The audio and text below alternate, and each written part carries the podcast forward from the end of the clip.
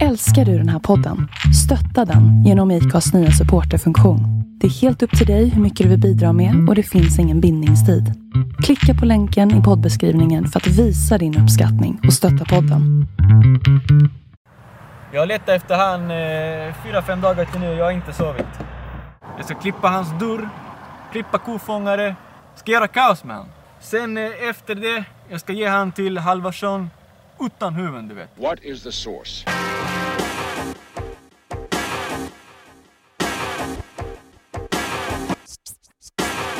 One, two, three, set it!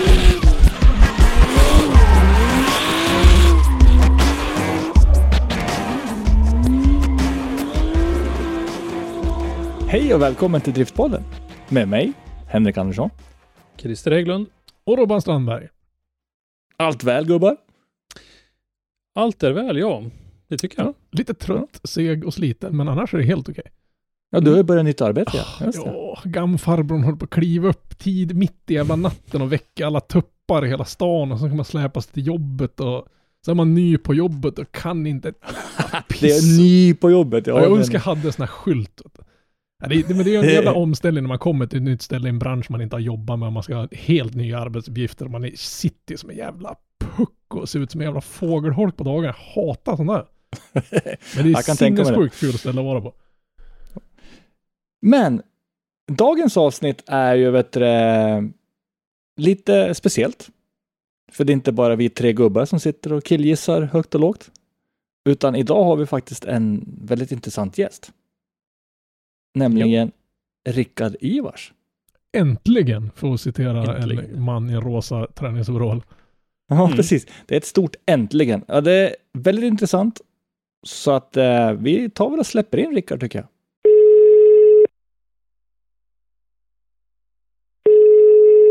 Välkommen till podden, äntligen Rickard Ivars. Stort tack! Nu fick vi till det. Ja, nu fick vi till det. Vi har kämpat lite grann här och eh, för att få till en, en tid som passar oss allihopa. Men nu så äntligen och det är jätteroligt att ha det med här i podden. Och tänkte att vi skulle få prata lite grann om eh, lite gamla grejer och lite nutid och lite framtid och, och sådär. Och höra vad du har haft för dig och vad du tänker ha för dig.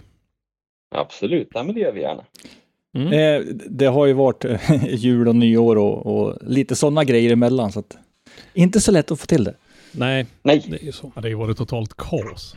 Det, Precis. Ja, de allra flesta skulle jag tro som lyssnar på den här podden vet ju vem du är till, till namnet och så där i alla fall och har nog sett dig i lite olika sammanhang. Men om vi tar en, ett litet snapshot på, på Rickard Ivars eh, socialt och så där. Var, vart bor du och eh, familj och så där i, i nuläget? Mm. eh, jag är ju född och uppvuxen i Västerås. Och eh, sedermera när vi bildade familj då flyttade vi utanför stan till en liten by som heter Tillberga. Och eh, där bodde vi fem år. Eh, sen kände vi oss lite trångbodd och eh, då tittade vi runt lite och kände att nej, prisvärt Hallstahammar. Här hittar vi ett superstort hus med kanonbra garage för mig och liksom trivsamt område när vi hade småbarn. Så att då, då flyttade vi till Hallsta för ja, det var tre år sedan ganska precis nu. Och sen dess har vi bott i Hallstahammar. Så det är ju det är ju Västmanlandstrakten jag bor i. Mm. Det där kallar ju Stefan Lindgren kallar ju det där för förort till, till Sura. Så här, bo i orten liksom. Vad, vad har du för Det är kommentar så till det? jävla underbart. Nej, jag har ju släkt och vänner som har liksom bott i Sura och Hallsta genom åren och det är ju ständigt. Det är som, det är som i Västerås, där var det ju krig mellan Skiljeboskolan och, och, och, och Viksäng. Och Mm. i, i, i Sura och Hallsta, det fanns inte så mycket skolor att kriga med kanske, för det är lite, det är lite mindre byar. Så då fick man kriga med varandra istället. Så drack man Ja. öl på kvällarna och så gick man längs 252 och sen var det slaggis i skogen. Liksom. men har, har inte Stefan någon sån här favoritlåt? Är det någon som, jag vet inte fan vilka det är som sjunger den här låten, men det är någonting om att någon Ja, dom, domkraft i ryggen för de tankar på en mack de inte får såna här grejer.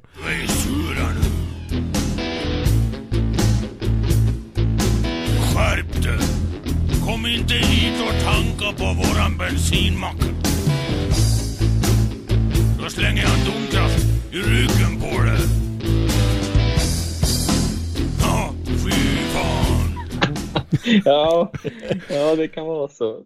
Nej, jag har inte varit med om några sådana grejer än. Då får man inte växa upp här kanske. Nu, Nej. nu är alla lite mera flanellskjortesnälla istället liksom. Men annars så känns det ju att du har ganska bra backning tänker jag om du har bröderna Joense och Peter med dig på din sida. Så. Ja, exakt. Jag tror inte de Ja. drar sig när det blir fight. De har varit med förut med det sura och halsta. Det känns inte som att visst. står på andra sidan där eller direkt. Nej, kanske inte. De bitiga killar. Eh, vad gör du till vardags då? Förutom att skruva med hobbybilarna. Ja, jag gick ju ut eh, Eh, gymnasiet, gick jag ut teknikprogrammet, så det var ju ett naturprogram med kemi och fysik. Men eh, ganska snabbt så när jag tog mig ut i arbetslivet, då var det bilspåret. Så då fick jag lära mig liksom bilar från grunden jag jobbade på Mekonomen i en reservdelsbutik. Då. Och sen tog jag mig in på verkstadsspåret som serviceutgivare och där har jag liksom där jag jobbat mitt liv då i det administrativa på verkstad och nu sitter jag hos eh, generalagenten. Eh, jobbar med affärsutveckling då, så olika system vi, vi jobbar med som underlättar för det dagliga för verkstäderna ute i landet då, om, inom VAG. Mm. Jag är, så här Det är skit, stort skitnördig så jag tycker det låter jättekul. Alltså, Ja. Ja, men det är, det är, det är fantastiskt kul alltså. Det är ett trist läge bara just nu med, med pandemin att vi sitter från hemkontor de flesta liksom och det blir inte samma utväxling då som när man sitter ihop i ett, eh, i ett rum tillsammans. nej, nej, oh, nej. Men du, re, du reser lite- en del annars har jag sett.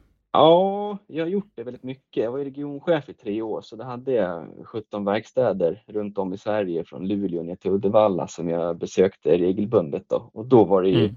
då var det mycket resande och, och, och trevligt på det viset. Man fick träffa mycket intressanta personer och dialekter och, och, och inte minst lära sig vägarna på riktigt också. Så Mm. det, det, det, var en, det var en kul tid i livet, men det är inte riktigt det jag sysslar med nu. Nu har jag, ska jag ha egentligen 60 resdagar istället för 120 då, så det blir inte alls samma resande. Då. Ja. Men eh, ditt eh, liv i bilbranschen, det har varit eh, på, på reservdels och administrativa sidan. Du har inte, inte skruvat eh, som, som yrke så att säga. Nej, jag har inte gjort det. Jag, jag ruck väl in bara för att jag tyckte det var roligt någon gång ibland och, och drog av någon service liksom. Men det fick jag inte göra egentligen. men, men eftersom jag, jag, har liksom hela tiden kunnat skruva också så, så har det varit frestande. Men inte, inte till, till, liksom, till yrket har jag inte skruvat. Eh, just det, men eh, skruvat en hel del eh, privat då. Eh, hur, hur kom du in på den här fantastiska motorsporten?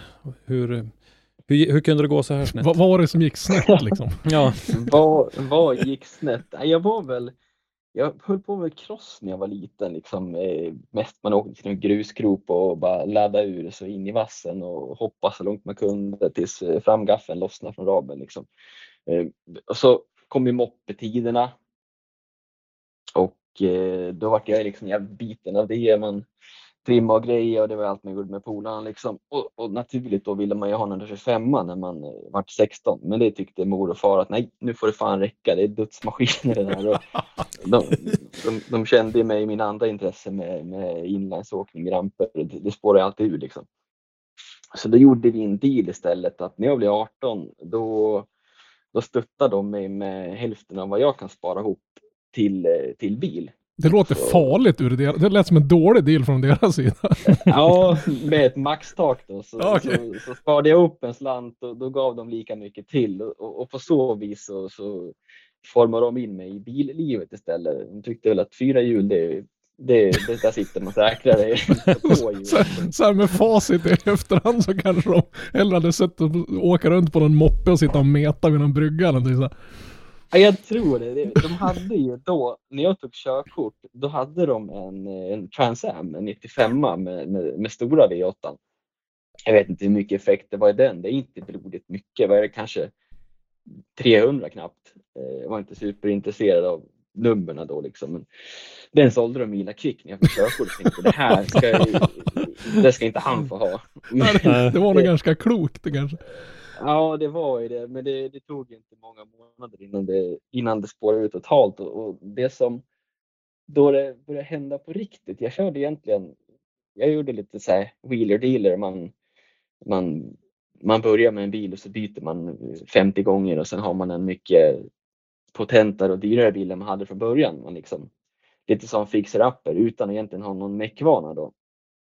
Så mina första två år egentligen, då, då hade jag liksom VR6, Audi Coupé, eh, sådana här bilar som man inte gjorde så jättemycket med. Man kunde lära sig köra ordentligt, någon Civic VTEC. Men så, så bytte jag bort en, en bil eh, mot en Nissan 200 S13. Det var liksom Saab 9000 intercooler, det var sån här BTR som lägger till ett, ett två liksom med ett fyra till, till bränslet så det bara sprutar ju eld och rök överallt. Men lagom ni hade fått den där att gå hyfsat efter några veckor och fått hjälp av kompisar att montera ett avgassystem liksom som jag köpte och så jag kunde inte mycket själv. Då, då vart det ju ramlagerras den här liksom. Så då var det bara lä lära sig skruva lite kvickt där då? Ja, vad gör man då? Man kan inte fråga polaren, men du, kan du helrenovera min motor liksom? För jag sprängde den och jag liksom, kan inte lämna in den för ett sånt här jobb liksom. Men eh, då var det en polare på den tiden som sa, fan jag köper en likadan. De där finns högt och lågt på Blocket med det här problemet och så, och så, så re renoverar jag min motor och så får du göra det på sidan liksom. Kör du fast och då, då hjälper jag dig liksom. Och Mm. så snurrar igång den här snöbollen liksom. Och lite Så pek, mig. pekboksrenovering typ. Ja visst, fast det, det var ju, det, jag hade en liten, någon form av talang för att skruva så jag behövde inte fråga särskilt mycket. Och så var det ju så jävla skönt att jag visste att kör det fast, då är liksom världens bästa Sebbe bara precis bredvid och hjälper mig i så fall. Liksom. Så att eh, så rullar det igång. Men det är liksom, man, man måste komma över den här, vad ska man säga, rädslan och respekten för att skruva så här en sak. Och när man, Ja, är när man har gjort det, Alltså- då är det bara att rulla på sen. Ja, men man, alla har ju stått någon gång och tittat under huvudet på en bil och så känner man så här, helvete, blir det något fel på det här, då är det ju bara att hälla koncentrerad spolarvätska i höger baksäte och tända på. Liksom. Typ.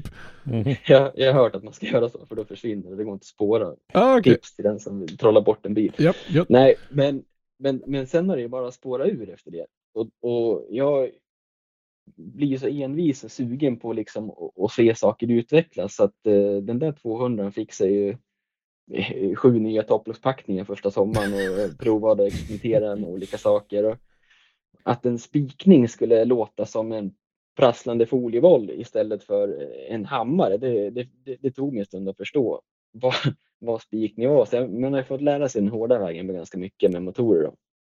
Mm. Och, och här, det här, vi snackar 2003, 2004. Eh, det fanns något sånt här gammalt Haltec, E6K hette de, men då mappade det i dos liksom och det var inte, vad, fanns det då liksom?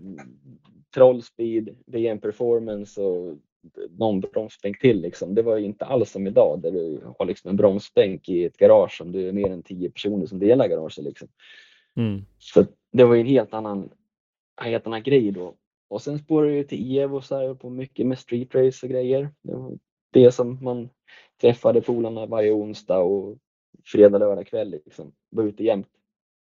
Jag, jag har suttit och gjort lite, lite, kika lite på lite olika klipp. Jag tänkte, ja, Ivars har kört lite street race. Tänkte, ja, men då har han en halvtrimmad kärra och kika. Ja. Så kollade jag på din E30, alltså vad fan, det var ju helt sinnessjuk den här bilen. Ja, fan det, det där lagom.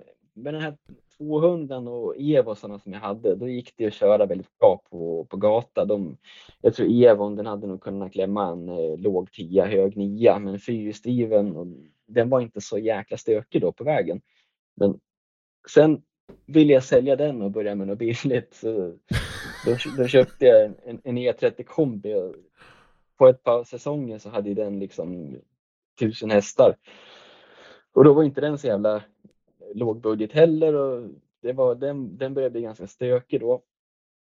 Och jag tröttnade lite där 2009 för då, då hade jag köpt en sån här Tilton tunndisk treskivig.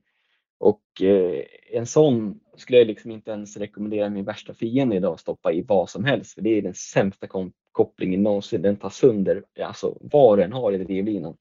Så det är den säsongen, det bara sprutar i växellådor. Jag tror jag har med nio stycken eh, såna här ZF-växellådor då.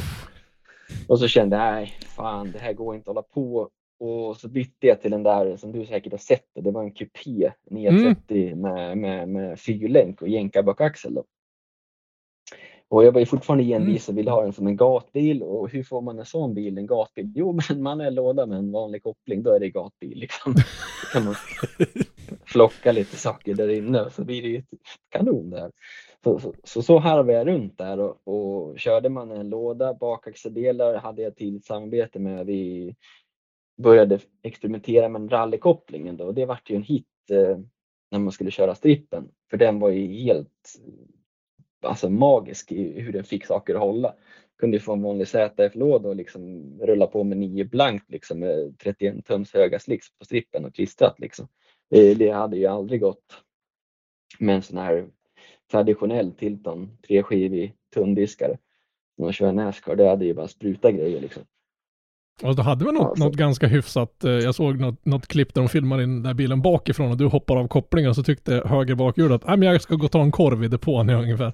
Ja, exakt. Det var ju skitdåligt. Jag, då, jag var så beredd på att köra på bakhjulen där så jag tänkte vad som än händer, sopa i tvåan och vidare.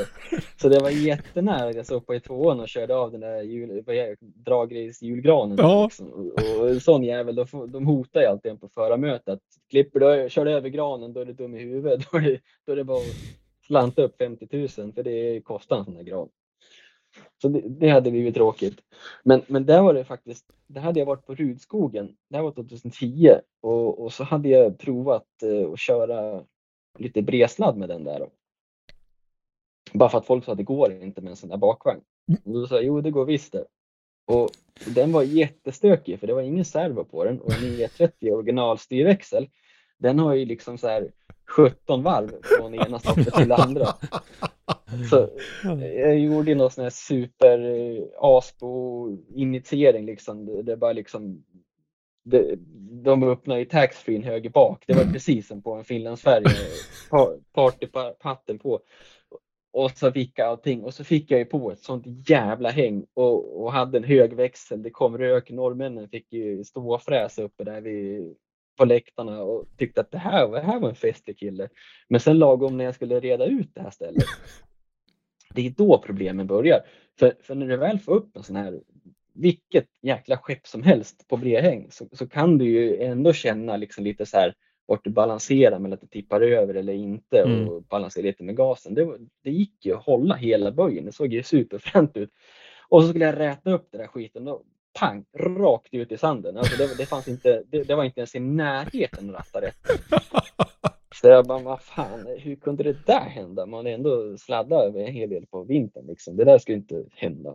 Och så in i depån och svetsa om en jävla stag som gick av, ut igen och så fick jag på sån här super kebabställ igen. Det var ju hur kul som helst. Och sen kände jag, nu kommer vi tillbaka till det här läget, jag måste räta upp den här skiten.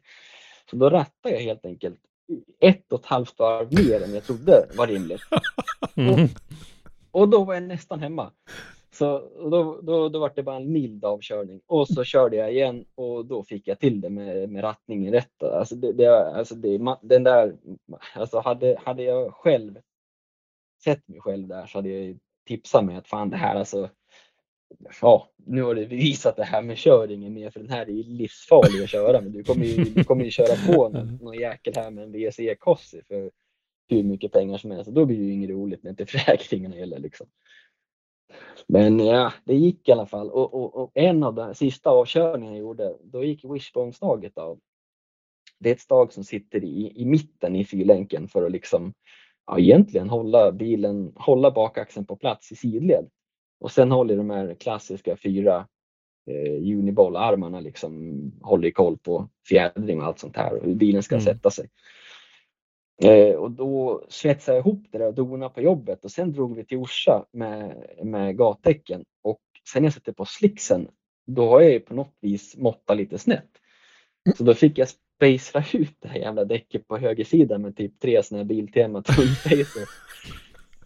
Och sen pimpade jag kopplingen i starten och höll på att köra julgranen. Så det var därför small- small av. Annars så var det ju riktiga liksom strange axlar med såna här Moser, Morosa, vad fan de heter, pinbultar. Så det var ju riktiga grejer i axeln. Det var bara att ja, sitter det tre stycken Biltema Spacers som glider åt alla håll och kanter. Då händer någonting. Liksom. Låter liksom lite halvfarligt med tanke på att det inte är typ 90 knyck du är uppe i med den här bilen. Nej, den där gick ju 260 över mål. Mm. Och, På eh, 201? Då, nej, 400. Eh, 400. 402 meter. På 200 meter då gjorde han 200 strax över. Mm. Och då var det ändå liksom sex växlingar egentligen då. Och mitt Mm. mål med den bilen det var att köra en åtta. Och Hur, hur nära lyckades kom du det? Nej, jag klarade det. Jag kom 8,79 faktiskt. När den... Oh, Fan, det är Ja, det är sjukt bra. egentligen. Ja, faktiskt. När vad det var eh, så, så var det faktiskt. Och då misstände han till och med efter 200 meter. Hela. Så att den eh, sluthastigheten var bara 240. Men i dragrace då händer det, ju- det, det mesta händer ju liksom innan 200 meter är passerat. Mm. Sen när det liksom bara har du någorlunda ax resten av repan, då blir det en schysst repa. Men du sätter repan första, första halvan liksom av, av strippen. Mm. Men, men Men sen- resan i Norge, var det så att säga tändningen på driftingen kanske? Nej, det var fan inte det. Det var det? Var så jävla otrevlig att Det var köra. sånt jävla rattande så det verkar inget roligt liksom. Ja, nej, det var, det var skräck alltså. Alltså skräckblandad förtjusning. För det var ju liksom, alltså feelingen när man satt där på häng, det, alltså så skulle jag kunna kört hela dagen med. Men, sen, men kurvan tog ju slut och då var det inget Mm. kul längre liksom. Mm. Så att, eh, nej, så att, jag körde lite mera street race och sen tänkte jag, nej nu ska jag fan, nu ska jag bli lite vuxen så då, då köper jag en stor fet jäkla eh, eh, BMW 5-serie och så stoppar jag i min 1000 hästars motor där och så har man liksom ingen bur och den ser helt vanlig ut och kan man dra ut med kompisarna på kvällarna och, och, och köra lite som gamla goda tiden liksom. Var det den som gick under arbetsnamnet Grisen eller? Yes! Och det, det har jag nog inte berättat för någon varför jag kallar den grisen, men det finns ett jätteroligt eh, Youtube-klipp när det är eh, ett par, när det är tre förmågor som är ute och ska isfiska. Och så borrar de något hål där och så drar de upp och så är det någon som bara oh, Vilken jävla gris!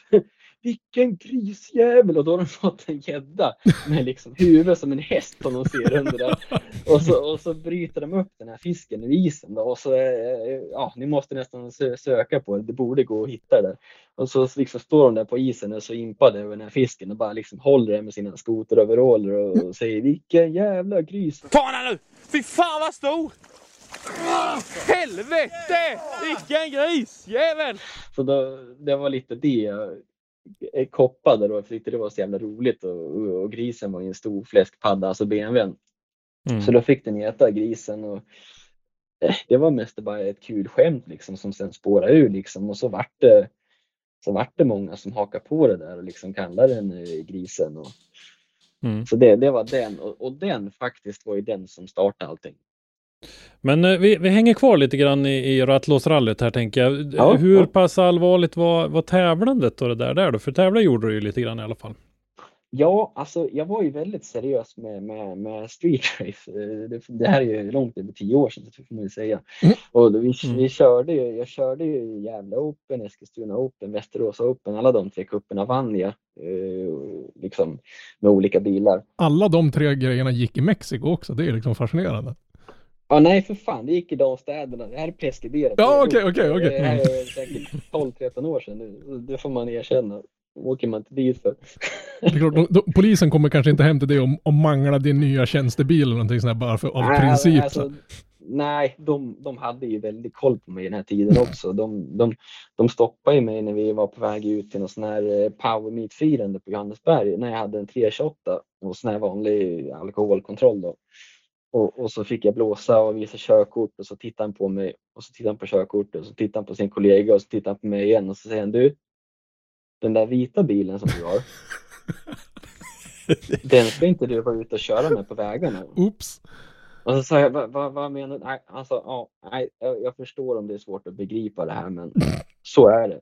Och, och så att, ja, De vi, har- vi var ju ett gäng som höll på med street racing, men vi skötte det så jäkla snyggt och säkert för alla som var inblandade så att de, de gillade inte, de kunde inte godkänna det, men så som vi skötte racingen på den tiden så var det egentligen inte något farligt för någon. Så att eh, det var sån här, det var säkert lite, ja, otrevligt och trevligt på en, för, på en gång för dem att det var vi som höll på med det. Mm. De har ju, de har ju ett Men- kusligt minne en del poliser, det tycker jag är otrevligt. Alltså det är oförskämt Ja. att de håller på på det viset. Man känner sig Jo. utpekad liksom. Ja, de hade ju tydligen någon, någon, någon tavla där de liksom lyste bilar. Så och- most, most inte- fast man- wanted grej ja, liksom. Yes, fast utan att vara liksom efterlyst på riktigt. Men de hade ju en sån här kontrollbord och fick jag höra från någon liksom, bekant hos eh, polisen. Men, men det var inte hållbart eh, när det liksom eh, började skena iväg till tusen hästar och, och så höll man på att utveckla bilen på en gång och det var så jäkla trist att komma till en, liksom, en racekväll och så bombar man växellådan liksom, i, i första burnouten. Liksom. Eh, Mm. Eller får liksom fegköra för att saker ska hålla. Så jag var ju liksom mer intresserad av eh, att få maskin och mekaniken att fungera istället rent över. Och, det var viktigare för mig att utveckla det maskinella än att försöka leta efter någon liksom adrenalinkick som det kan ge många att hålla på med streetrace också. Det, det, det kan man ju få av vilken bil som helst i, i, under vissa förhållanden. Liksom. Men, men jag ville utveckla bilen och göra den så bra och snabb som möjligt med så mycket effekt som möjligt. Och då var det naturligt att, prova på testen tune på strippen. Och det Mm. gjorde vi på Kjula och vi tog massa sådana här kurser och licenser. Och jag tror jag körde min första tia på licensuppkörningen så det var de inte så imponerade av. Ja, men det vart det vart en så jävla fin start. Jag tänkte det här kan jag inte ge upp. liksom. Nej, du kan inte offra den här eller liksom. Nej, jag offrar inte det här. För jag offrade en, en riktigt bra tid med Evo förut. Då drog jag en repa och sen efter halva så kände jag nej men jag ska inte köra breakout nu så jag släpper av här. Och sen nästa repa tänkte jag ja, nu fick jag en lika jävla fin, nu, då, då håller jag liksom. Men då gick diffen av eh, liksom halvvägs ut. Så att, eh, då fick jag aldrig chansen igen. Så det var väl det som gjorde att jag tänker fan inte göra samma misstag nu. Men sen höll vi på där och det var lite olika såna här, de kallar det något så här 4 to 6 på Kjula. Då var det liksom 4 och 6 cylindrar som fick tävla mot varandra och då, då var det liksom såna här profiler på den tiden som Woken och vi, vi hade väl liksom några legender från Västerås, Kossi, Fredda som precis hade lagt ner då så vi var lite nya men ändå samma så att det var en jäkla skön skara då som höll på med det här och vi vart liksom hopkopplade över forum på internet då. Det var inte riktigt sådär utbrett med, med Facebook som det är nu. Så då fanns det ju forum för allting och bilsport var ju Mm. också en hubb för allting. Så att eh, jag skulle inte säga att jag var någon liksom supertävlings dragracer men jag skötte det seriöst och, och, på banan mestadels då och det var just eh, för intresset att utveckla en bil. Va? Mm. För streetracing nu för tiden, där är det liksom, du har inte en chans om du inte har en pro-mod. Nej, lite så. Det är ju, det, det kände jag lite på den tiden också. Så som min bil var så gjorde den ju en 25 i 60 fot på strippen och på gatan så liksom var det sån här liksom motorvägsasfalt eh, med lite grovsten och, och, och lilaaktig. Jag menar, då var det väl kanske en 7, en 8 i 60 fot. Och då har du inte en chans mot en, en, en, en fyrhjulsdriven bil som har liksom 700 häst. De stack ju liksom, de gjorde ju en trea i 60 fot var det än var någonstans. Liksom. Mm. Och då var man ju, då var man ju tvåa direkt liksom för att på 201 meter är det svårt att hämta det.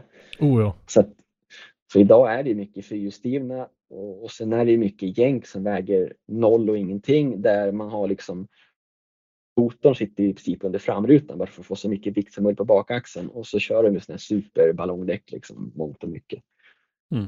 Jag och, det, Christ, det, jag och Christer bor en bit norrut i landet och här kör de ju lite streetrace på, på helgnätterna i något industriområde ute i Timråtrakten och där någon gång, jag jobbade på, på Volvo bilbolaget förut och då såg man en, en eftermiddag, eller en kväll när jag svängde in för jag tänkte jag skulle åka till tvätthallen och spola om en bil, då står en racetrailer, alltså en stor Scania där. Och då har de dumpat av två stycken ProMod, så det är röromskassin, herregud. 4 500 hästkrafter, alkoholbilar. Och De ska köra street racing, då tycker man att men nu får ni ju klippa er liksom. Alltså vad i helvete. Alltså det är helt, jag- helt hjärndöda bilar.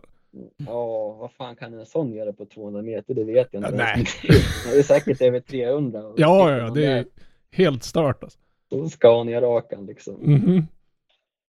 Ja, det är nog. Ja, Nej, det är svårt. Och, och, då, alltså, 2002-2003 då kunde du vinna med en 150 hästars Honda Civic eller liksom en 200 hästars. Kom du med en liksom 330 kittat Cossi på den tiden då var det ju bara, då, då började ju folk dra sig ur istället. Då var det liksom. Så det har hänt så otroligt mycket där på, i och för sig, nu är det väl inte kort tid längre, men det känns ju så. Det känns som man nyss var där liksom på onsdagarna och fredagarna och, och, och körde med alla kompisar och det var Volvo T4 och sådana här bilar som dominerade race mycket liksom. Men det var liksom lite ärligare på något sätt då också, för då var det inte bara plånboken som styrde. Nej, det, det började väl lite då också när de här Autotech kom igång liksom. Mm. Så kom det killar med 500 häst liksom. Men, men, men det, var ju, det var ju så jäkla härligt. Då kom vi med våra liksom tjuvtrimmade polarna, hade en kadett med oss i och han klämde någon Porsche 996 och jag körde ifrån en kille som hette Hotan som hade liksom en av Sveriges kändaste streetrace S40. Så han körde jag från min 200 liksom som spruta eld och misstände och spika liksom. Så det var, det, då var det ju liksom häftigt då att komma med våra, vad ska man säga, shitboxes och, och, och ta oss an de här liksom legenderna och, och, och, och spöa dem. Så det var ju, ja, de, det är kul med de här, eh, de som har högt kapital också, som har kastat ner alla pengar i bilen. Speciellt om de är lite stöddiga och kaxiga också liksom. Och så här, mm-hmm lite bättre än alla. Då, då är det riktigt häftigt att komma som liksom eh, sprallig 19-20-åring liksom och, och köra ifrån dem liksom. Men, men eh, Mm. det var ju aldrig några hard feelings liksom, men det var lite extra kul då tyckte man då. Även fast det, det, det, det var ingen aldrig som var liksom direkt taskig, men de attitydsfulla, det var ju roligare att, att, att, att, att spöa dem liksom. Så är det Mm. väl alltid. Men eh, du började prata lite grann om grisen här då, den E Mm. 5-serien här. Eh, valde du att lämna dragracingen eller var det bara att du blev eh, sugen och, och ha något annat liksom? Det var, eh, eller var det ett aktivt val att lämna eh, street Ja, och det dragracing-scenen? Ja, den vart ju, den vart ju så, liksom, så stökig att använda. Det gick inte att använda den till vardags. Liksom. Och sen hade jag ju liksom klarat målen som jag hade och få ta sig vidare därifrån. Det börjar kosta jättemycket pengar om man ska köra manuellt eller så är det att kasta in automat, men det intresserade inte mig så mycket.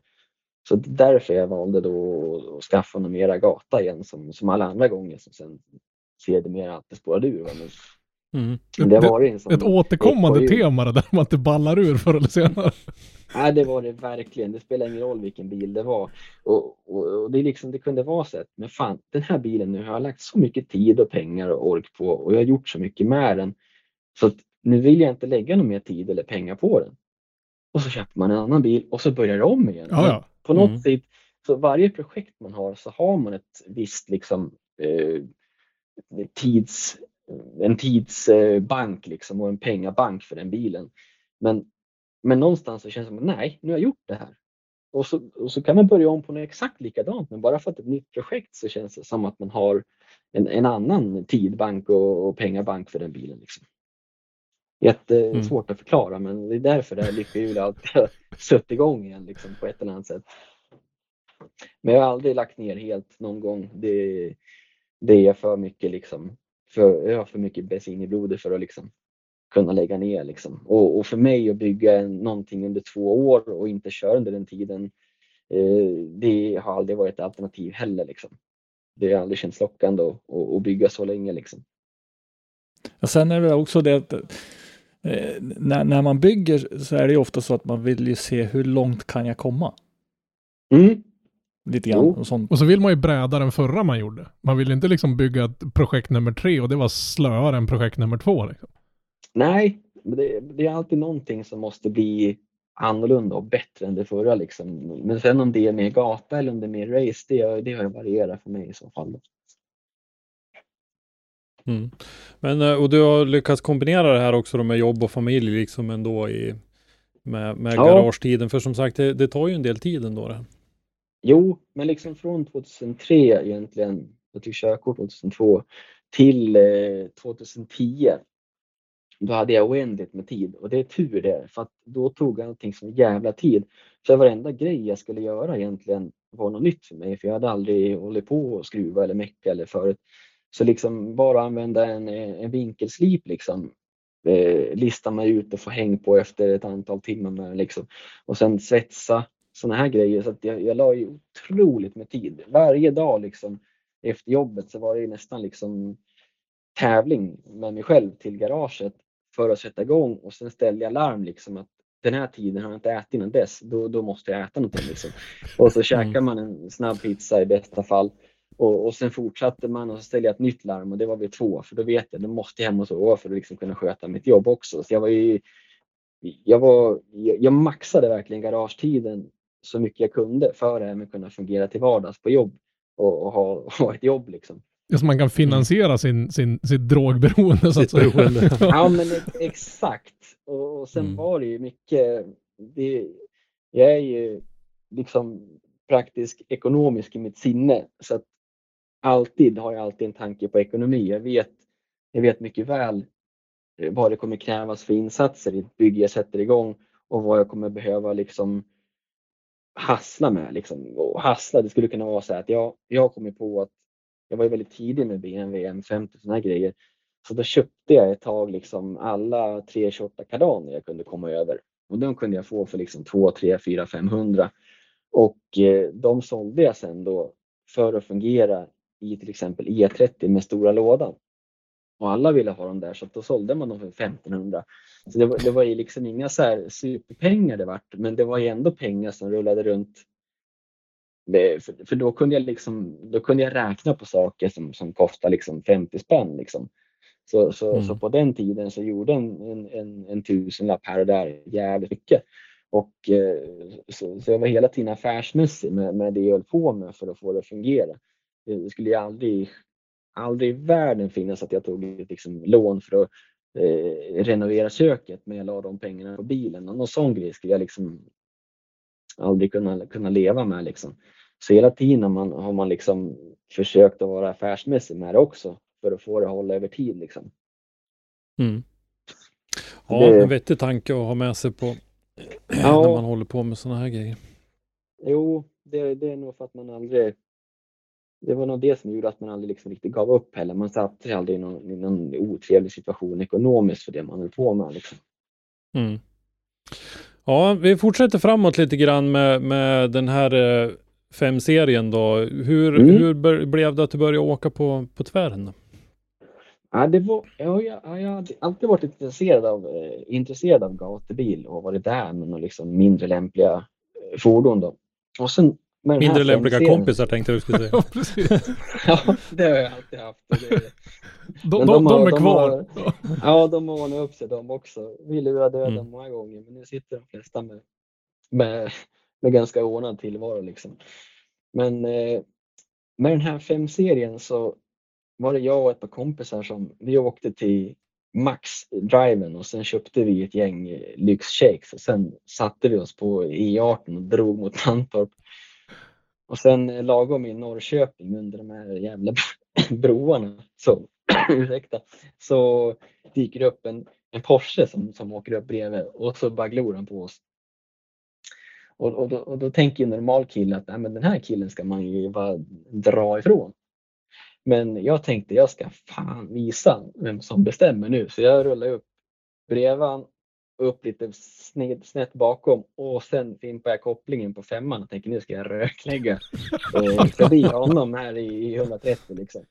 Men eh, då brann ju kopplingen upp där. Så då fick vi eh, fegköra till Mantorp och där på plats så fick vi tag i några andra puckar som vi kunde liksom nita om. Så vi stod och klubbade på där i någon, i någon buss liksom och renovera XLO den här dagen. Men, men, men det funkar i alla fall på grundladd dagen efter med den kopplingen vi fick ihop. Då. Så det var 550 hästar ungefär.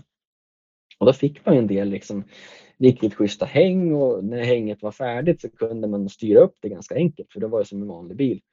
Eh, däremot så eh, var det ju inte riktigt de här fina smäckra raceturbosarna man, man körde då så det var en stor fet Borg som man fick eh, bula in hela eh, eller halva eh, hjulhuset liksom vänster fram på eller höger fram blir det på den här bilen. Så att det var ju mindre rattutslag än original men det var ändå helt okej för att köra. Och ingen sån här drifting framvagn överhuvudtaget. Men så Mm. det gick i alla fall att köra med, med, med liksom lite så här inte som Vida Strand, men lite D-stuke. Man gör liksom så här power slides och det är inga liksom blänkningar med handbromsar och av kurvor utan det var liksom det var ett fett häng per kurva och, man körde lite S på rakorna liksom. Och där kände jag att fy fan det här, det här skulle man hålla på med liksom. Så att eh, den, då var det liksom att ja, nu jävlar, nu säljer jag eh, det som var kvar av grisen för jag körde av VMAXen på samma Mantorp event. Då. Och det bara flög runt grejer i motorn. Vart Mysiga haverier liksom. Ja, jättedåligt haveri. Så på något vis så då, det var innan man körde så mycket A10-dämpare. Så ett, ett lätt svänghjul och ett, en lätt och annan svängningsdämpare fram på en liksom vevaxel som inte alls skulle ha det och som är numera känd för att ha många sådana här harmoniska svängningar i sig. Så jag låg och hamrade varvstoppen på liksom precis fel läge. Men jag varvade 8250 men där och jag vet inte, det, det gör man inte så ofta med en 50 idag. Och den är ändå tre liter så ganska old school och sen hade den 1020, inte i just den dagen men så det, det, det är klart att det hände grejer och då gick det av bakom sexans vev, vev, eh, vev, eh, vev vad heter det, vevtapp. Så att det som hände var att liksom svänghjulet satt lite löst men vevaxeln kunde ändå putta runt svänghjulet, jättesvårt att förklara. Men så, så motorn gick fast vevaxeln var av, skitkonstigt.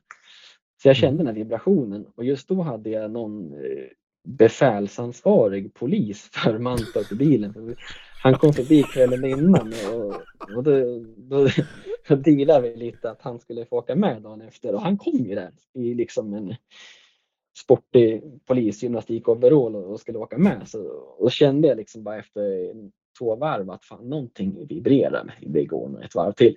Så jag brände ju liksom ett, ett varv på muttern med en vevaxel som var rakt av bakom sig själva staken. Det låter som jag hittar på det här, men det är sant. Och, och, och ja, det var det sista som hände med den eh, bilen sen då. Så den, den Mm. polisen åker aldrig mer på, på Mantorp. Jo, han tyckte det var helt fantastiskt. Gjorde. han. Fattade inte att den totalkvaddade hela motorn heller. Men den, den motorn, den var liksom, den var, den var, den hade, den var värd sina kronor. Den hade gått då från egentligen 2007 när jag började med E30 i olika liksom, trimgrader fram till den här som var 2013. Mhm. Ja. ja, då var den väl avskriven, det får man väl säga. Den var avskriven, verkligen. Mm. Den, den, den, var, den, den borde inte ha hållit. Den var en sån här humlemotor. Den, den, den borde inte ha hållit men den trodde den skulle hålla. Så Den, den, fatt, det liksom. den fattade inte hur risig den skulle ha varit Nej. överhuvudtaget. Liksom. Nej, det är helt hjärndöd men så jävla trevlig. Mm. Eh, men då, då kände du i alla fall suget, så då, då ville du ha någonting som, som gick att sladda med, så du skaffade något, något annat som ersättning. Jajamän, så min kompis, eller mina bästa vänner genom tiderna, Jocke Westman, han hade precis provat på drifting själv då. Och han drev någonting som hette Fastcar. Så att eh, då sa jag det, Jocke, nu ska jag fan också börja drifta. Han bara, bra, du kommer aldrig ångra dig, det är fan det bästa som finns. Men jag bara, då får du inte lägga av med det här nu, för han är en sån som hela tiden hittar på nya hobbys och sen liksom nördar ner sig totalt i dem, men sen hittar han på en ny hobby. Och då sa han, nej för helvete, det, det, det, nu kör vi liksom. Så då startade vi liksom ett litet team där kan man säga. Jag började bygga min bil ungefär som, som hans var. Eh, och sen dribblade jag med lite olika motorer och rätt som det var så, så vart det då en 2014, då var det en, en eh, eh, då stod jag redo då vid säsongstart med en, med en 200 S14. En eh, 1020 hjulhästars eh, S38 motor. Perfa liksom såhär Eh. och börja drifta med liksom. Ja, Ingen sån här enhjulsburnande 740 på någon, på Nej. någon sladdkväll utan nej visst det var och sen Weissfab då och Weissfab då, då var det väl typ bara Rasmus Muller som som körde det i, i princip då så att eh, det var inte alls lika vanligt då. Men tyckte Men de inte att, att det var lite fusk så att säga att köra det i början? Mm.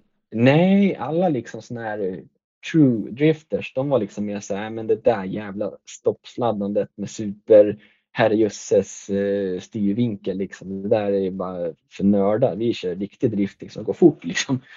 Eh, och Då hade de ju sett den här bilden på den här E30 säkert som liksom har hjulen helt parallellt och inga framskärmar och så kör han så jäkla bett liksom. Men ja, så jag, det, jag vet att det, jag såg några trådar då på Facebook där det tuggades. Ja, men vad fan tror den här killen då? Liksom tusen hästar och Wisefab, liksom, vad, vad ska han göra med oss? Liksom? Det var ingen av de här, eh, vad ska man säga, eh, de, de, de större profilerna inom drifting då. Och jag hade för övrigt ingen aning om vilka de var heller. Jag hade, det, det har också varit oftast eh, att jag är inte intresserad av att titta på motorsport. Hur sjukt den låter. Jag tycker bara om att köra den. Så, mm. så, jag har inte haft superkoll på, på de som har hållit på med, med saker och ting. Eller för övrigt hur drifting fungerade. Men jag stod i alla fall redo då med, med, med, en, med en riktigt bra bil för säsongen och testkörningen som var på det här Dodge Spring Break, den gick jättebra. Eh, lyckades eh, länka stora kurvan in i Parisen med Pariserkurvan och hela den här klassiska driftingsvängen och det var mitt mål med dagen och det, det, det gick snabbt att hitta dit och bilen funkar jättebra så det hade jag ju liksom en stor nytta av av att jag hade effektmissbrukat väldigt mycket med tidigare bilar. Liksom. Mm. Så jag visste ju direkt vilken koppling jag skulle ha för att det skulle ha en chans att fungera. Liksom. Sen var det ju vissa lyckoskott såklart som man, när man tittar tillbaka, att fan vad tur jag hade att jag valde just den där grejen eller så. Men, mm. men eh, ja, där, där var det skönt att komma, komma då med, med erfarenhet fast noll erfarenhet för, för egentligen för den typen av sport. Då. Mm. Men vad hade du för mål då, då? Var det målsättningen att börja tävla lite grann då redan på en gång? Nej, eller var det bara att jönsa runt fan, lite? Ja, nej, jag anmälde mig till SM direkt innan jag hade lagt min första liksom transition. Hur fan vad rätt! Jag är så jävla idiot. Va? Nej, det är så det ska vara. Ja, men alltså jag tänkte, ah, fan skitsamma, då har jag provkört den där på mm. då springbreak och sen nu skulle det bli första tävlingen. Det var på Gelleråsen. Så då åkte jag och Jocke dit. Jocke han la ner drifting, han sålde sin bil förresten. Han, han kanske hade dåligt samvete så han hängde med liksom. Så det var ju han och jag som åkte dit. Och så, så, så ska vi rulla av bilen från eh, trailern då. Och så tar han tag i fälgen och sen eh, fastnar hans tumme då fast mellan åket och fälgen. Så han ah. åker till sjukhuset där va? i Karlskoga. Och då, då, då ska jag klistra på den här jävla Powerdrift, boarden på framrutan och försöka varmköra och jag har ingen aning. Jag kände liksom ingen där alls.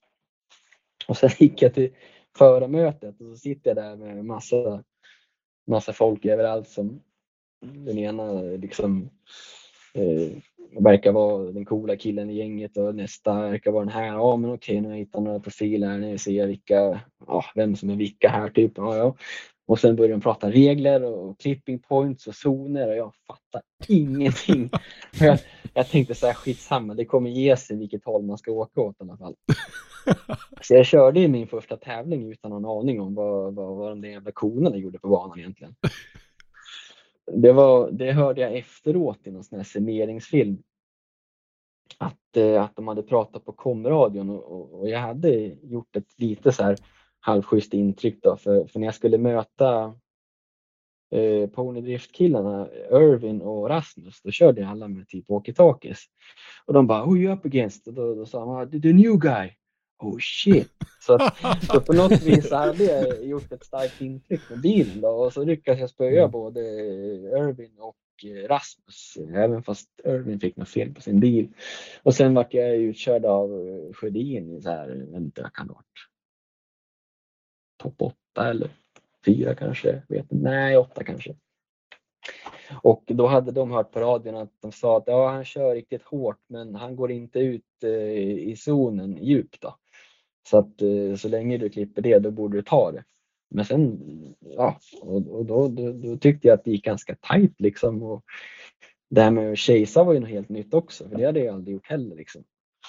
Så det var mycket lucköppningar där på, på första eventet men, men, men eh, tack vare att jag hade en potent bil och det var många som fick liksom strul med sina bilar så, så hamnade jag liksom ganska schysst i, i poängrankingen då, även om det liksom inte var något liksom super-S på drifting. Mm.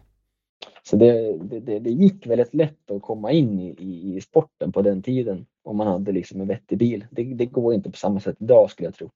Nej. Nej, Nej, alltså, 2014, det, det var ju alltså i startskottet egentligen då. Det började ju tidigare i och för sig då, men 2013, 14 var väl då det small till ordentligt. Ja, precis. Jo, precis. Det året innan var det väldigt stort tyckte jag. När man liksom hade kommit på att man ska hålla på med det och bygga bilen. Då var det väldigt ståhej kring det.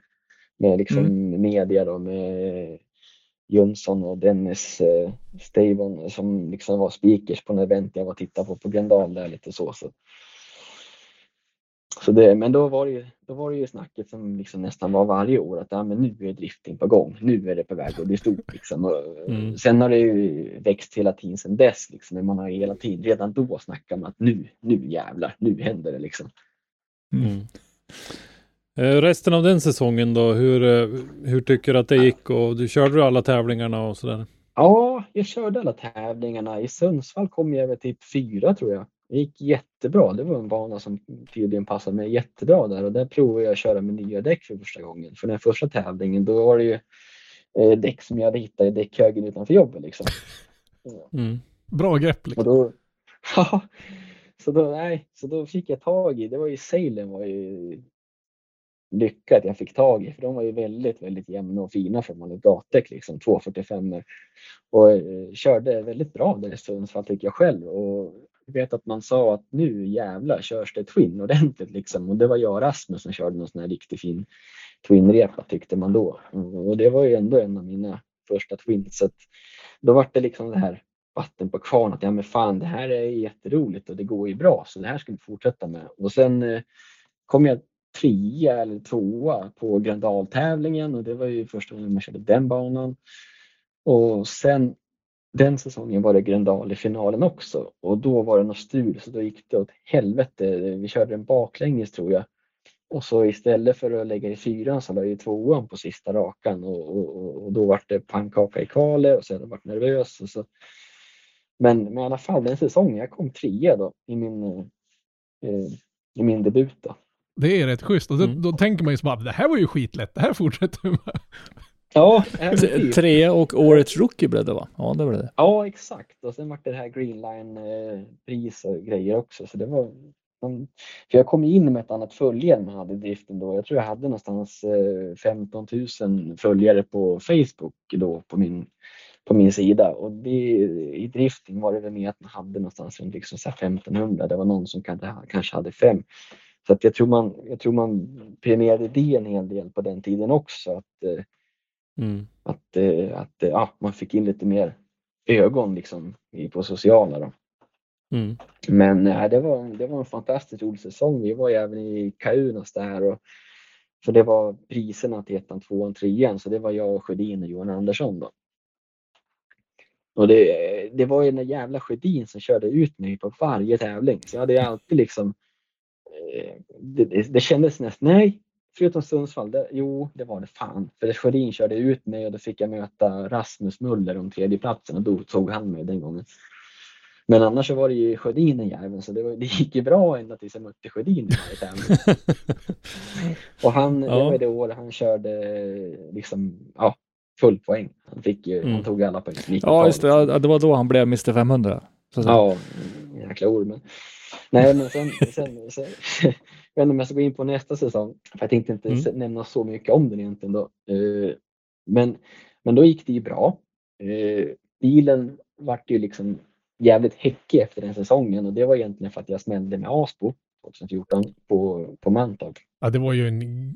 Alltså, hur fan klev du ur den bilen efter den smällen? Nej, det, nej det, det, det, det var ganska lugnt så för att hela bilen träffade så bra så den liksom agerar ju som att hoppa på en colaburk liksom. Så att, så att det, det, det, smällen togs upp väldigt bra av bilen men bilen vart ju sopor därefter. Då, för jag hade ingen liksom riktiga bärspar. Den byggde jag med som en riktigt schysst gatbil fast, med, fast drifting. Så det var ju riktig lack och spacklad och slipad och bak till så var det ju inga ramar och grejer så det vart ju bara sylt av allting där bak. Mm. Men eh, Flinta och eh, Mad Mange, de eh, hjälpte mig då. Vi hittade liksom varandra väldigt tidigt i driftingen där. Och eh, det var nog midsommarhelg där, då tog de och bara kapade av häcken och satte dit en ny häck på bilen och så fick jag köra den resten av säsongen. Så när, när, när säsongen väl var slut då var det klart att någonting behöver göras. Jag behöver ju, jag behöver ju ett nytt chassi. Och då vart jag sponsrad av det av eh, Radio Power då.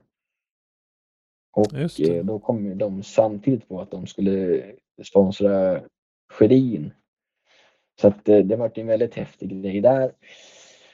Men då får man ju liksom ha i åtanke då. Rookie, en säsong, gick jättebra. Kom på tredje plats. Mm. Då kommer ju expectations också. Och sen kom det lite mera, eh, lite sponsorer på ett annat sätt också. Så 2015, istället för att vara den här liksom anonyma, ja, halvanonyma underdogen så, så var man en av liksom toppkandidaterna istället då. Mm. Och eh, där är jag ju heller inte. Jag är ju hellre, eh, eller ja, så är väl de flesta kanske, man, man, att det är trevligare att komma in som underdog. Så att nu istället så kommer han in med helt andra ögon på sig, en helt annan press på sig. Så det var liksom okej, vad ska han göra nu? Men då, då var jag liksom den här driftaren som egentligen hade eh, liksom 40-50 däck i bagaget från säsongen innan och eh, fem event egentligen. Så jag hade Mm. inte mycket att åka. Och den säsongen, då var det regn på första eventet och jag tror andra och tredje också för den delen. Men problemet var att jag hade en servostyrning som inte funkade i regn. Så det var ju helt jävla omöjligt att köra den bilen. Jag spenderade liksom timmar till att försöka hitta fel på servon. Och säsongen var ju allmänt eh, liksom strulig maskinellt. Så, så var det ofta på, på streetrace-tiden att hade man ett dåligt år då var det ofta ett bra år efter och sen gick det sådär. Mm. Så jag tänkte att det är nog fan så i drifting också. Och så kämpade vi på det hela åren då och jag vet inte, det var, det var liksom ingen så här fjärde, femte plats. Jag, vet inte var jag kom det året, men det var inte superbra i alla fall. Men jag fullföljde alla tävlingar, även fast bilen liksom aldrig riktigt levererade. Vi hade ju Och den här legendariska smällen i Sundsvall då, bland annat vid diket. Ja, exakt. Det var ju typ eventet som servot funkar halvbra ändå. Liksom. Halvvägs genom kurvan. Okej, ja visst. Ah. En bit Så in i kurvan. Ja, så innan Sundsvall, för då var det väl ingen regn tror jag. Men, eh, men innan Sundsvall, då gjorde jag en liksom sån här, då ställde vi upp den i en hjulinställare. Det hade vi inte gjort förut. Och så ställde vi in alla hjulvinklar perfekt. Och hur ställde jag in det då? Jo, lite ta-out fram, för det har hört man ska inom drifting. Och bak, ja men där vill vi ha grepp. Det är raka hjulvinklar eh, och det är ingen camber. Eh, och eh, sen hade jag ju parallellstyrning fram, så bilen var ju helt hysterisk att köra. Släppte du ratten när det låg på lock, liksom, då bara small det till så var det på lock på andra sidan. Så han var jättestökig att köra. Det vet jag ju varför det blev så nu idag med erfarenheten jag har idag. Men då visste jag inte det. Eh, och eh, den var ingen vidare snabb ändå. Den var bara allmänt svårkörd. Och när det kombinerat med en styrservo som glappade eh, så gick det åt helsike där och jag kände att nej. Alltså det var ett sånt här moment där man bara nej, nu släpper jag ratten för det spelar ingen roll vad jag gör. Det går Mm. åt helvete. Men eh, i alla fall, jag försökte ändå hålla i. Det gick åt skogen och jag tänkte nej, jag styr rakt ut på den här åken istället. För att det är bättre Ja. att köra över skit och stubbar och grejer med raka hjul. För kommer jag med sneda hjul då kan jag ju liksom vika in hjul under bilen. Mm.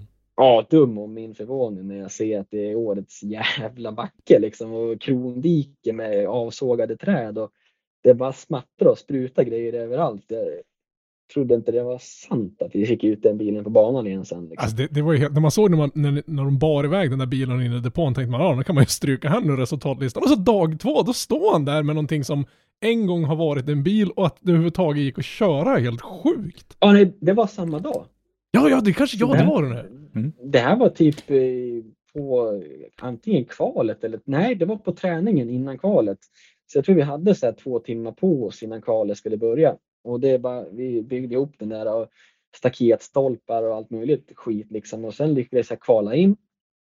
Och så vart det en topp 16 steg eller någonting och då fick jag stryka av eh, Tobbe T-parts då. Han gick inte. Men, Eh, men, men där fick man ju se då, innan kvalet fick man ju se det här beryktade, alltså driftingfamiljen. När alla jo, sprang och liksom hjälpte till. Det var liksom, ja, men jag har en tigg, jag har en pinsvets, för vi behövde ju alla svetsar som fanns. Liksom. Och, och så hjälptes alla åt ordentligt liksom. Det var väl, det var väl lycka där att det var, jag var en av de få som hade problem så att alla kunde, liksom hade möjlighet att hjälpa till också. Det är lite, lite flyt av det där diket är bortplockat nu, för de kör någonting som kallas för rallysprint på det området också, när de kör rallybilar en och en. Och Ja. något år när jag var på fotade där, då var det en som gick av med en 940 i den här kurvan. Så han, Aj, han, han försvann, så hans tak låg i höjd med, med marknivå ungefär. Och efter kommer en PV som kör någon historic klass och förlorade kontrollen. Han sneddar tvärs över killens tak, så han lyckas med din grej Ah. att köra ut på läggdan där. Men han använder Ah, en 9, fy. 940 tak för att ta sig till läggdan. Ja, det är fusk det. Men alltså att man kliver ur, ur alltså för det är ju inte, vi pratar inte någon, någon liten lugn och, och touch med någon mur här, utan det där är ju ett rejält jävla haveri. Det tar ju sopstopp när man går ner där. Ja, Det är som att köra in i ett. Alltså, det- hyreshus liksom. Nej, jag trodde inte det var sant liksom. När man märkte vad det var. Fy Mm. fan. Jag, det var jag, jag, försvann. kommer, jag kommer ihåg när man stod där på träningen. Jag stod i den kurvan och, och panorerade eh, när ni kom. Och, och följde den med kameran. Ja, men jättebra, du fick upp bra ställ. Och jag fortsatte panorera, men jag ser liksom inte att du försvinner. vägen, liksom? liksom bara. Sen när jag kollar på bilderna, bara, vänta nu. Sen ser jag. Det är så jävla Ja. dåligt. Men eh, Rickard, vad känner du för det där nu då? Nu säger Robban att det är bra. Då har de ju fyllt igen ditt dike liksom. Det där har ju hetat Ivarsdiket sedan dess liksom. Vad, Ja, hur känner du inför det? Nej, det är inte bra. Det spelar nog ingen roll om de kommer bygga ett berg där, kommer det där vara Ivars dike oavsett liksom. Ja, Det- exakt. Ja, jo. Nej, det där är mitt dike. Vi får Jag sätta upp en skylt med någon plakett där snart tror jag. Jag tar med jordfräsen och åker dit. Ja, ska det det, här det är gött. bli ett dike. Ja. Ja, en eh, halv pissig säsong säger du rakt Ja, igenom där. Japp, jag tror att det var första gymkana-tävlingen som kördes det året också. Mm, det, var, Och- det var ute på mm. flygplatsen då? Eller ute på... Ja, visst. På Frösön ja. Ja, och där gick det ju skitbra istället, så jag kom ju tvåa där. Och jag hade säkert vunnit också om inte mappsensorkablarna hade blivit klämda bakom motorn och de började misstända när jag åkte snabbt i en vänstersväng. Liksom. Och det var det ju i utkörningen ifrån. Liksom. Mm. Så att, nej, det var ju fränt i alla fall. Då fick man ju en sån här det här som man egentligen behöver i slutet av säsongen, alltså som har gått skitdåligt. Att man fick en, liksom, en, en, en glädje på slutet i alla fall som man liksom får med det sig i off-season. Liksom. Ja, det är man ju hooked Motivation inför att nästa år fortsätta. liksom. Ja, korrekt. Mm. Inte för att jag lagt ner ändå, men ja, det var ju betydligt skönare att ha det i avslutet. Liksom. Mm. Mm. Vad, hur gick tankarna då, då där under, under eh, off-season? Var det tävling även året därpå och, och Nej, by- bygga och då- förbättra bil eller hur? Ja, grejen var att 2014, då låg min första, min, min son låg i mage då. Så att eh, han låg och värpte, så den säsongen gick ju ganska bra. Men sen 2015 var det jävligt tufft, för han hade ju superkolik så vi fick inte sova de första tio månaderna. Och Mm. det kombinerat med att jag höll på och var omogen och eh, körde drifting fortfarande. så, så, så vart det ett eh, beslut eh, hemma att jag tar det lugnt 16 och så vart det. Eh, och sen lagom till höstkanten så var det någon sån här power drift series på Mantorp. Och då tänkte jag, men fan jag åker dit och kör i alla fall då. Och då tyckte hon, ja men det är okej. Det går jättebra. Och så drog jag dit och körde och kom trea den, den deltävlingen då. Så då fick jag ett bra avslut på, på det året också, även fast det inte var liksom så mycket köra då. Mm. Mm. Och eh, ja, och då var, det, då var ju han lite äldre och ja, det var lite lättare. LHL, han var ju fan två år liksom. Bli, ja, han föddes 2015 i februari. Mm. Så inför 2017 då sa vi att Nej, men nu, nu kan jag dra igång lite igen. Hon sa ja, gör det. Så att vi blir, klara med det där. Liksom, så att det ska, Ja, precis. Så det så går kan över någon gång liksom. sen. Ja. Så, så 2017 då skulle jag tävla igen då. Men vet du, om vi håller kvar först 2016. Vad Mm. hände egentligen där när, när du körde den där matchen mot Skogsby? På Emmaboda? Ja, när de åkte rattlåsrally där. Var det? Ja, fan, det var ju 16 det. Det måste ju suga som fan att få piska Skogsby där. Alltså, Ja, helvete. Satt han där med sin mustasch och bara flinade åt mig. Vilken jävla ord. Nej, alltså det gjorde han jävligt bra, det måste jag säga. All heder till honom. Det, det, det var ju min hemmaplan liksom. ja. Det måste ju svida lite extra det. liksom. Ja visst, jag visste vilka däck jag skulle ha, hur värmning och lufttryck och allt sånt där funkar. Så jag liksom tänkte så här. Ja, men eh, jag hade ju aldrig liksom, eh, vad ska man säga, om han hade liksom gjort saker helt fel så hade jag ju varit den första som liksom tipsar hur man får fart på grejerna. Jag tycker det är kul när, när, när, när det går bra för folk. Så att jag har aldrig liksom varit en sån som lyser när någon när det går skogen från. Då är jag hellre där och hjälper. Men de hade med sig en kille som heter Peter Björk. Och eh, under mina dragracingtider med E30 och så vidare, då körde ju han liksom med en av världens coolaste Supro liksom. Han körde ju också Otto med den till slut. Så vi var lite sådär, jag och Peter var liksom, ja, växeldrog lite tider. Han hade ju en tvättäkta gatbil. Han liksom kunde ju köra till eventet på ett annat sätt liksom och en, en fin stäm 2JZ på säkert 12-1300 häst liksom. Mm. Så, att, så att han hade ju Skogsby med sig, med båda från Örebro, goda vänner sedan förut. Så att han hjälpte ju Skogsby med, så att de fick ju, de fick ju mer pli på den bilen än vad jag fick på min med lite mappning och sånt som inte jag fixade egentligen. Så strulet för mig den deltävlingen, eh, det var egentligen att den, den, eh, den toppade det den gjorde och eh, det var inte jättelångt efter 200 meter. Så att eh, i slutet av den dagen, då tänkte jag nu, nu får den här lådan tacka för sig. Eller så ska det bli en jäkligt bra tid. För jag visste ju att allting hänger ju på, på starten. Så då värmde jag på femmans växel och det såg så jävla häftigt ut. Jag, jag vet inte, det filmklipp jag fick se har jag aldrig sett igen. Men på, eh, avgasröret slutade ju bredvid diffen och rakt bakåt. Och med ett par tion, eh, 10 tums eh, Hoosier Slicks med liksom supernytt gummi. Köpte nya till den där tävlingen. Femmans växel. Alltså den rökutvecklingen och den farten det vart på, på röken. För att under bilen sitter den här pipan vid diffen och blåser rakt bakåt. Ja, ja. Alltså med lätt. Alltså det, det, det, det, det suckar inte men det varvstoppar inte heller. Det var bara brutalt mos. Det var tusen häst lätt som flåsade i avgasröret och, och rök på femmans växel i en burnout. Så det var den coolaste burnen någonsin eh, som jag har lagt någonstans liksom. Och det var, det var inför sista repan. Och sen rullade jag upp då och så skickade jag i tvåan. Ett gammalt, gammalt tricks istället för att starta på ettan. Och så la jag i tvåan. Och sen varvade jag på. Nej, jag la i trean till och med. Så var det. För, för, att, för att det var en diesellåda och jag var i 410 bak så han var ganska kort ändå. Så jag la i trean och jag tänkte nu jävlar, nu kommer det ju hända någonting. Och jag fick en sån jäkla fin start. Så jag, och jag och Skogsby startade, sta- startade blixt samtidigt. Så jag kör ju skjortan av honom de första 200 meterna. Och sen kommer han liksom eh, som, en, eh, som ett segelflyg där och, och nå, nå mig nästan till mål liksom. Så jag vann den repan, men han fick snabbare tid den repan. Och då tittade vi på filmen efteråt och eh, då stageade jag ur. Eh, Det är två små vita lampor Mm. som tänds när man Mm. stagear in. Och när de två eh, tänds då, då, då rullar liksom lamporna ner och så startar man. Och när jag står och varvar där så, så, så droppar jag ur stage. Och då började min tidtagning innan vi fimpade kopplingen. Så att eh, Mm. Ja. Så där, där, där satt jag och tittade lite och lekte med tanken. Vad hade det här blivit för tid egentligen? För man fick ju se Skogsbys tid samtidigt.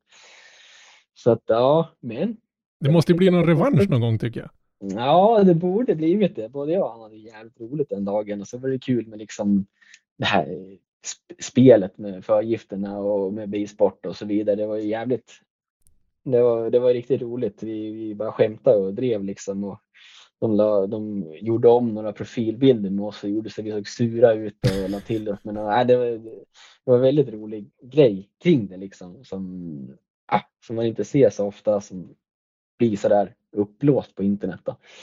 Så det, Mm. nej, det borde fan bli en revan- revansch då. Jag har hållit på att tjata på den lokala klubben uppe i Sundsvall, SHRA, att de ska Ja, i slutet på säsongen när de är färdiga med all dragracing så, så deras stripp liksom kan, kan torteras med vanliga bilar så att säga. Att de skulle bjuda in alla driftingförare i Sverige och se Ja. vem som är den snabbaste driftingföraren i Sverige. Det har jag alltid liksom haft som ett litet mål. Så någon jävla gång ska vi ha en sån tävling här. alltså det är ju sjukt potenta bilar. Kanske bara köra 201 då så att säga, för det är en del som har utväxling som inte, som inte har någonting att komma med efter 200 meter så att säga. Ja, egentligen, men ändå. Det är ju det man vill och mäta sig om man inte håller på med dragrace. Det är ju, det är att man blir körd Ja, 400 meter. I och för sig. Alltså är man Mm, eh, som i Fast and Furious en 10 second car, alltså det är ju ballt. Och jag är rätt, alltså jag är övertygad om att om, om, om folk åker dit med schyssta däck, så det kommer ju vara flera driftenbilar som klämmer dit eh, med nio sekunders tider.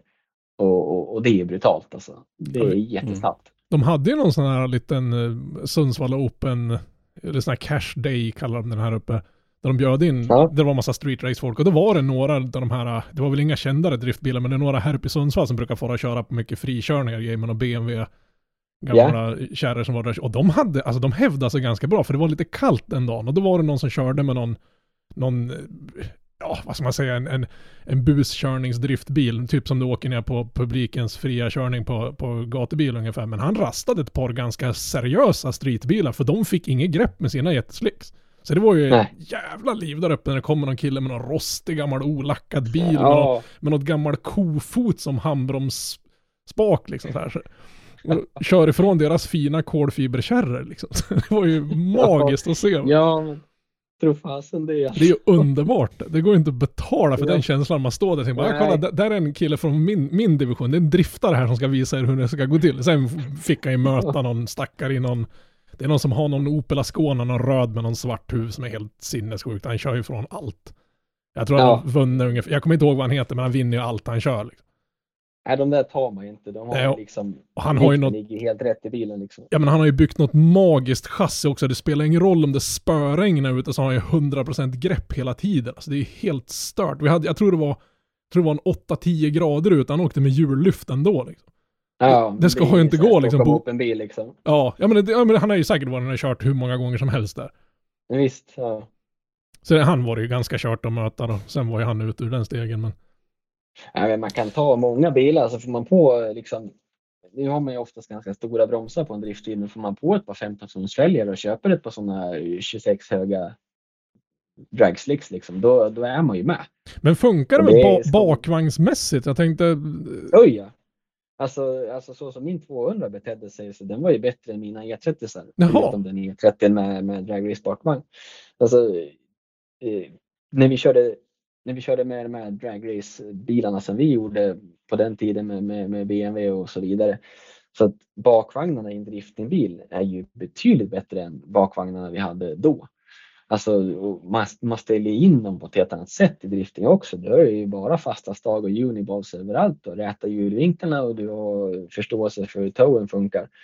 Så att det är ju betydligt bättre grejer för strippen än, än, än vad vi hade på den tiden med 30 fan vi måste ha den här tävlingen alltså. Vi måste Ja, fixa det är- den. Det är, det, är så, det är som gjort för strippen. Ja. Kopplingarna hänger med också. Liksom, De gör det, eftersom så- De, Jag menar, ja, Även om det är liksom en preppad bana om man kör så, så det inte liksom ligger halva vinters reservdelslager liksom vid, vid starten. nej, nej, de är alltså.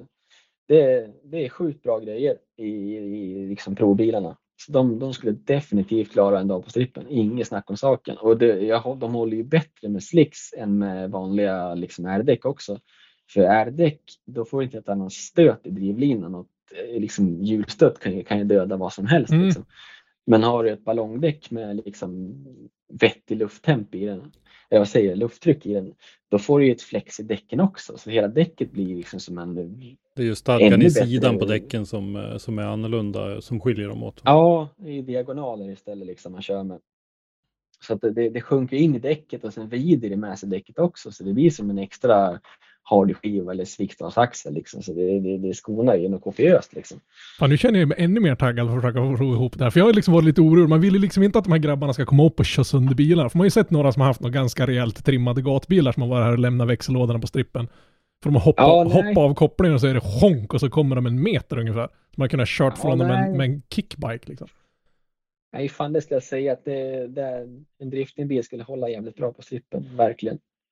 Vi eh, återvänder till 2017, då var det dags att tävla igen. Men då, eh, om jag ska dra mig till minnes då, så siktade du inte på SM då?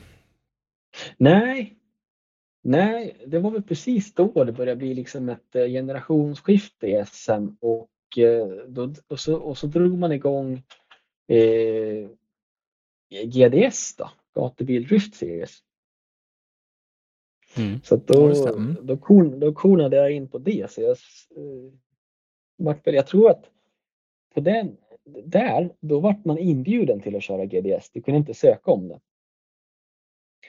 Så det var lite sådär, ja, fick du brevet ifrån GDS så att de ville ha med dig, ja vad fan. Då, då skulle det vara liksom lite så här som Gymkhana var, då skulle det vara lite, lite hedrad till det.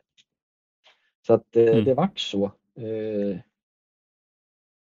och eh, jag vill minnas att den säsongen skulle jag starta med att köra shower på Emmaboda med både drifting och dragrace. Men eh, jag bytte styrsystem och så sprängde vi motorn liksom natten till när vi skulle åka till Emmaboda.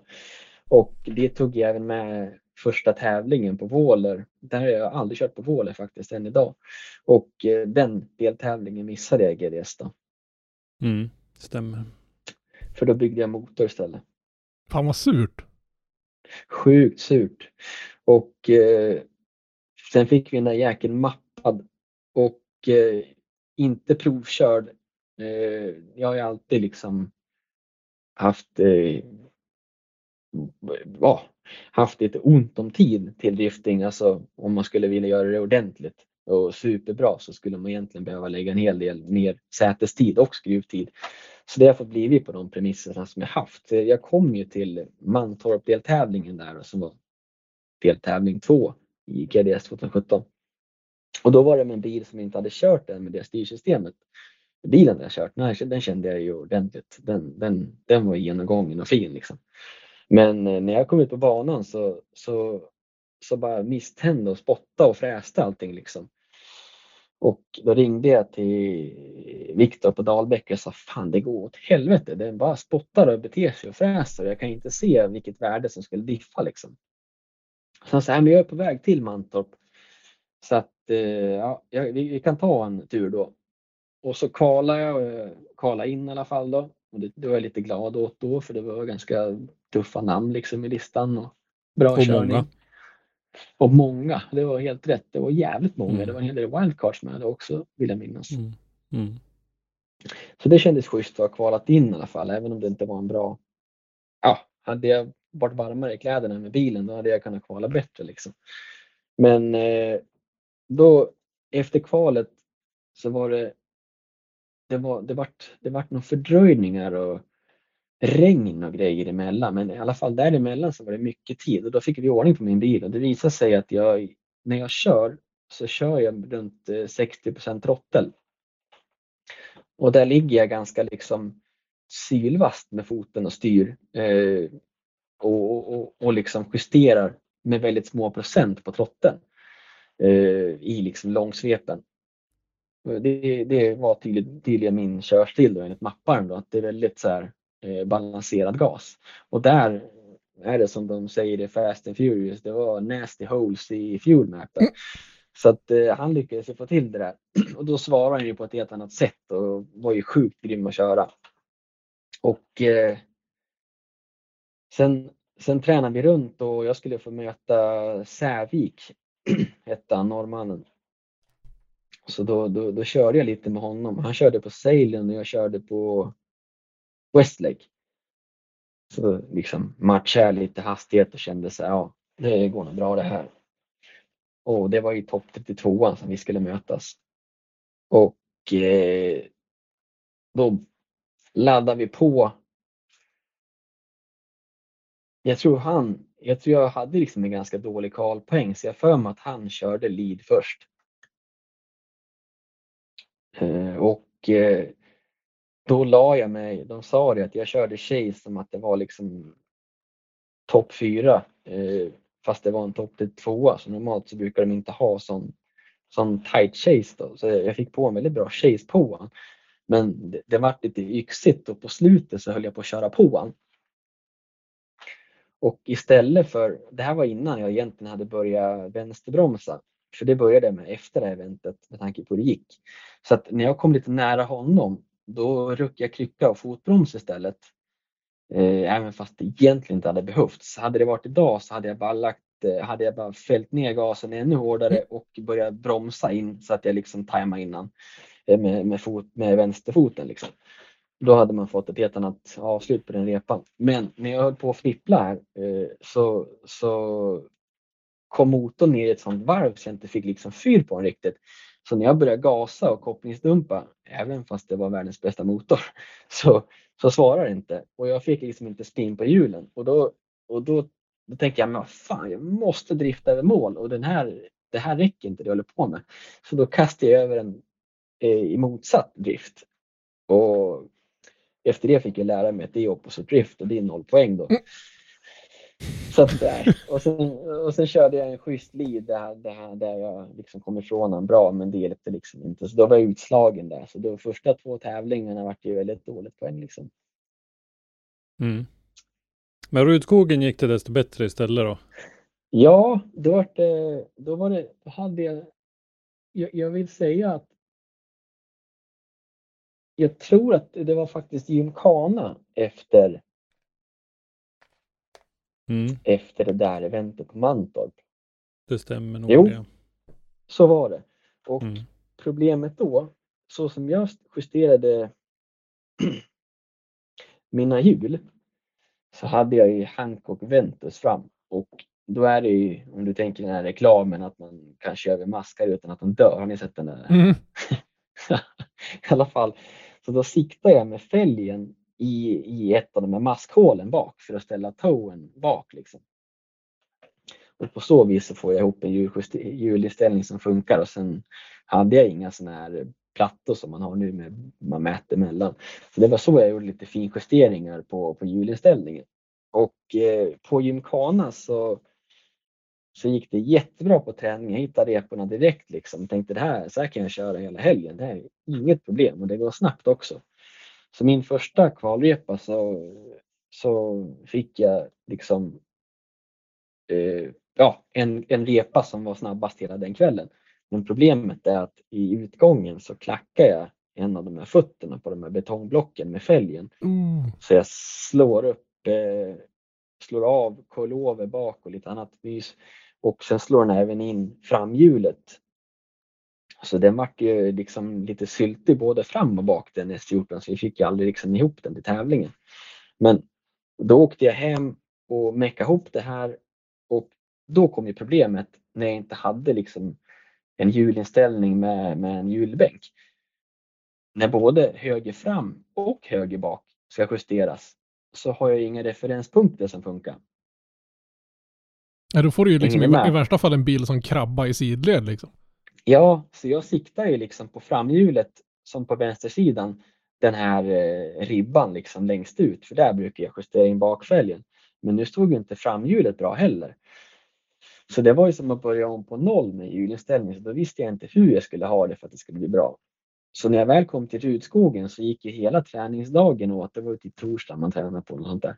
Då gick ju det ut till att försöka hitta fart i bilen. För då fattade jag inte vad som hände. Jag höll på så in i vassen med, med framvagn för jag tycker det drev inte på i, i, i kurvorna och till slut så, så listade jag ut då att det satt i, i bakvagnen och justerade på toe-in istället och, och sen fick jag justera efter med, med framhjulen. Alltså i- idag skulle jag ju bara kunnat justera toen fram med plattorna och sen kunnat utgå ifrån det eh, och justera toen bak. Men då hade jag liksom eh, inte kommit på det där. Så att då justerade jag bara i blindo och provade några liksom varv här och där, provade lite fram. Och när det var kval, då fick jag inte ordning på det där. Men sen efter kvalet så var det ju ganska mycket körning och då fick jag ordning på bilen. Och då gick den ju som ett jäkla flaggskepp. Alltså det, var, det var helt fantastiskt att köra. Och när det var regn så var den nästan ännu bättre. Så det var ju sanslöst bra. Och i den tävlingen sen så var det ju regn i topp 16-stegen. Och då, då, då, då gick det väldigt bra hela vägen.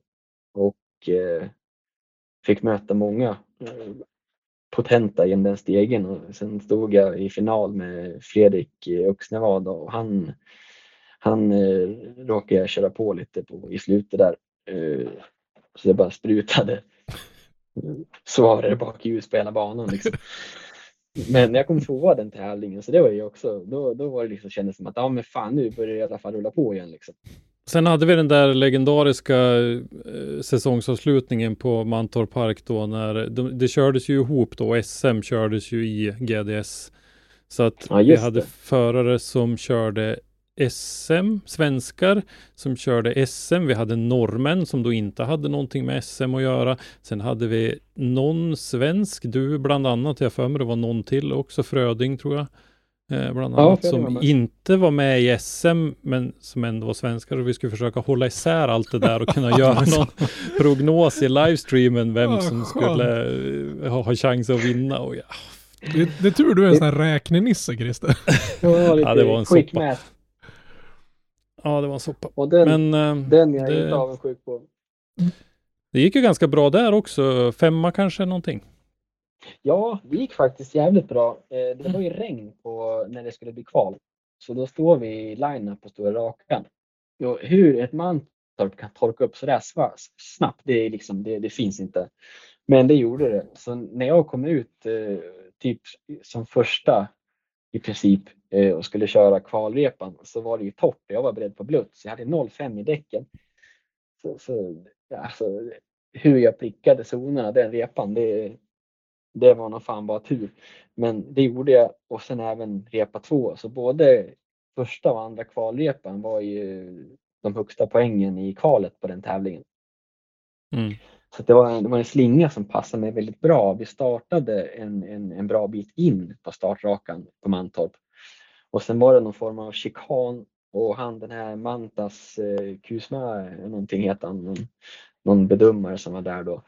Han sa ju det att vi kommer inte se er i den första, större delen av den första kurvan, men vi kommer höra er.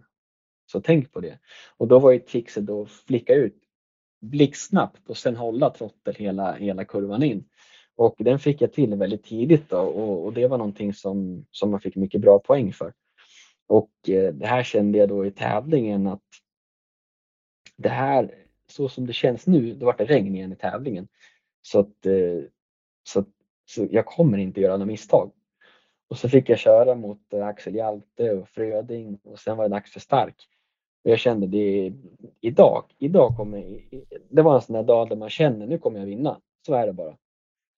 Och det här eventet så, så hade jag en blåst toppluftpackning på S38. Så där jag inte hade laddtryck, då misstände bilen. Men så fort jag hade lite laddtryck, då räckte det laddtrycket på något vis för att trycka tillbaka kylvätskan eh, så det inte sipprade in. Så då gick, då gick motorn rakt. Men, men, men lagom här när jag skulle möta Stark så var det liksom var han lite stökig även fast det saknades ork i regnet. Men, men motorgången var så jäkla knepig. Så när jag kommer in där i, och ska lägga om i transition då, då har det skakat på ett sådant sätt så att den till och med har skakat ur fyrans växel. Och det fattar inte jag på en gång då att det frivarvar liksom. Så att eh, ja, när man väl kommer på det och liksom håller i kryckan för att liksom fortsätta med driften och fippla i växeln eh, lyckades jag med utan att räta i alla fall. Men det såg inget snyggt ut så den åkte jag på den repan och det är synd för det var en sån här tävling. Ibland får man den känslan av att idag, idag, idag får fan folk svårt att ta en liksom. Och det är så jävla coolt när man får en sån känsla. Och så är det så jävla tråkigt när man blir liksom tekniskt utslagen av sin egen bil liksom. Mm. Alltså annars, jag har aldrig varit med om att en växel hoppar ur när man liksom inte kommer åt spaken. Men ja, Mm. jag vet, det var, jag var lite frustrerad och då hade jag någon sån här gatubil GoPro i bilen. Jag bara, du se till att lägga ut det där materialet som man ser vad som händer." Han bara, "Ja, visst, han brydde sig inte alls. För mig var det liksom viktigt att visa vad som hände men det var ingen som, ingen som tyckte det var lika viktigt som jag i alla fall.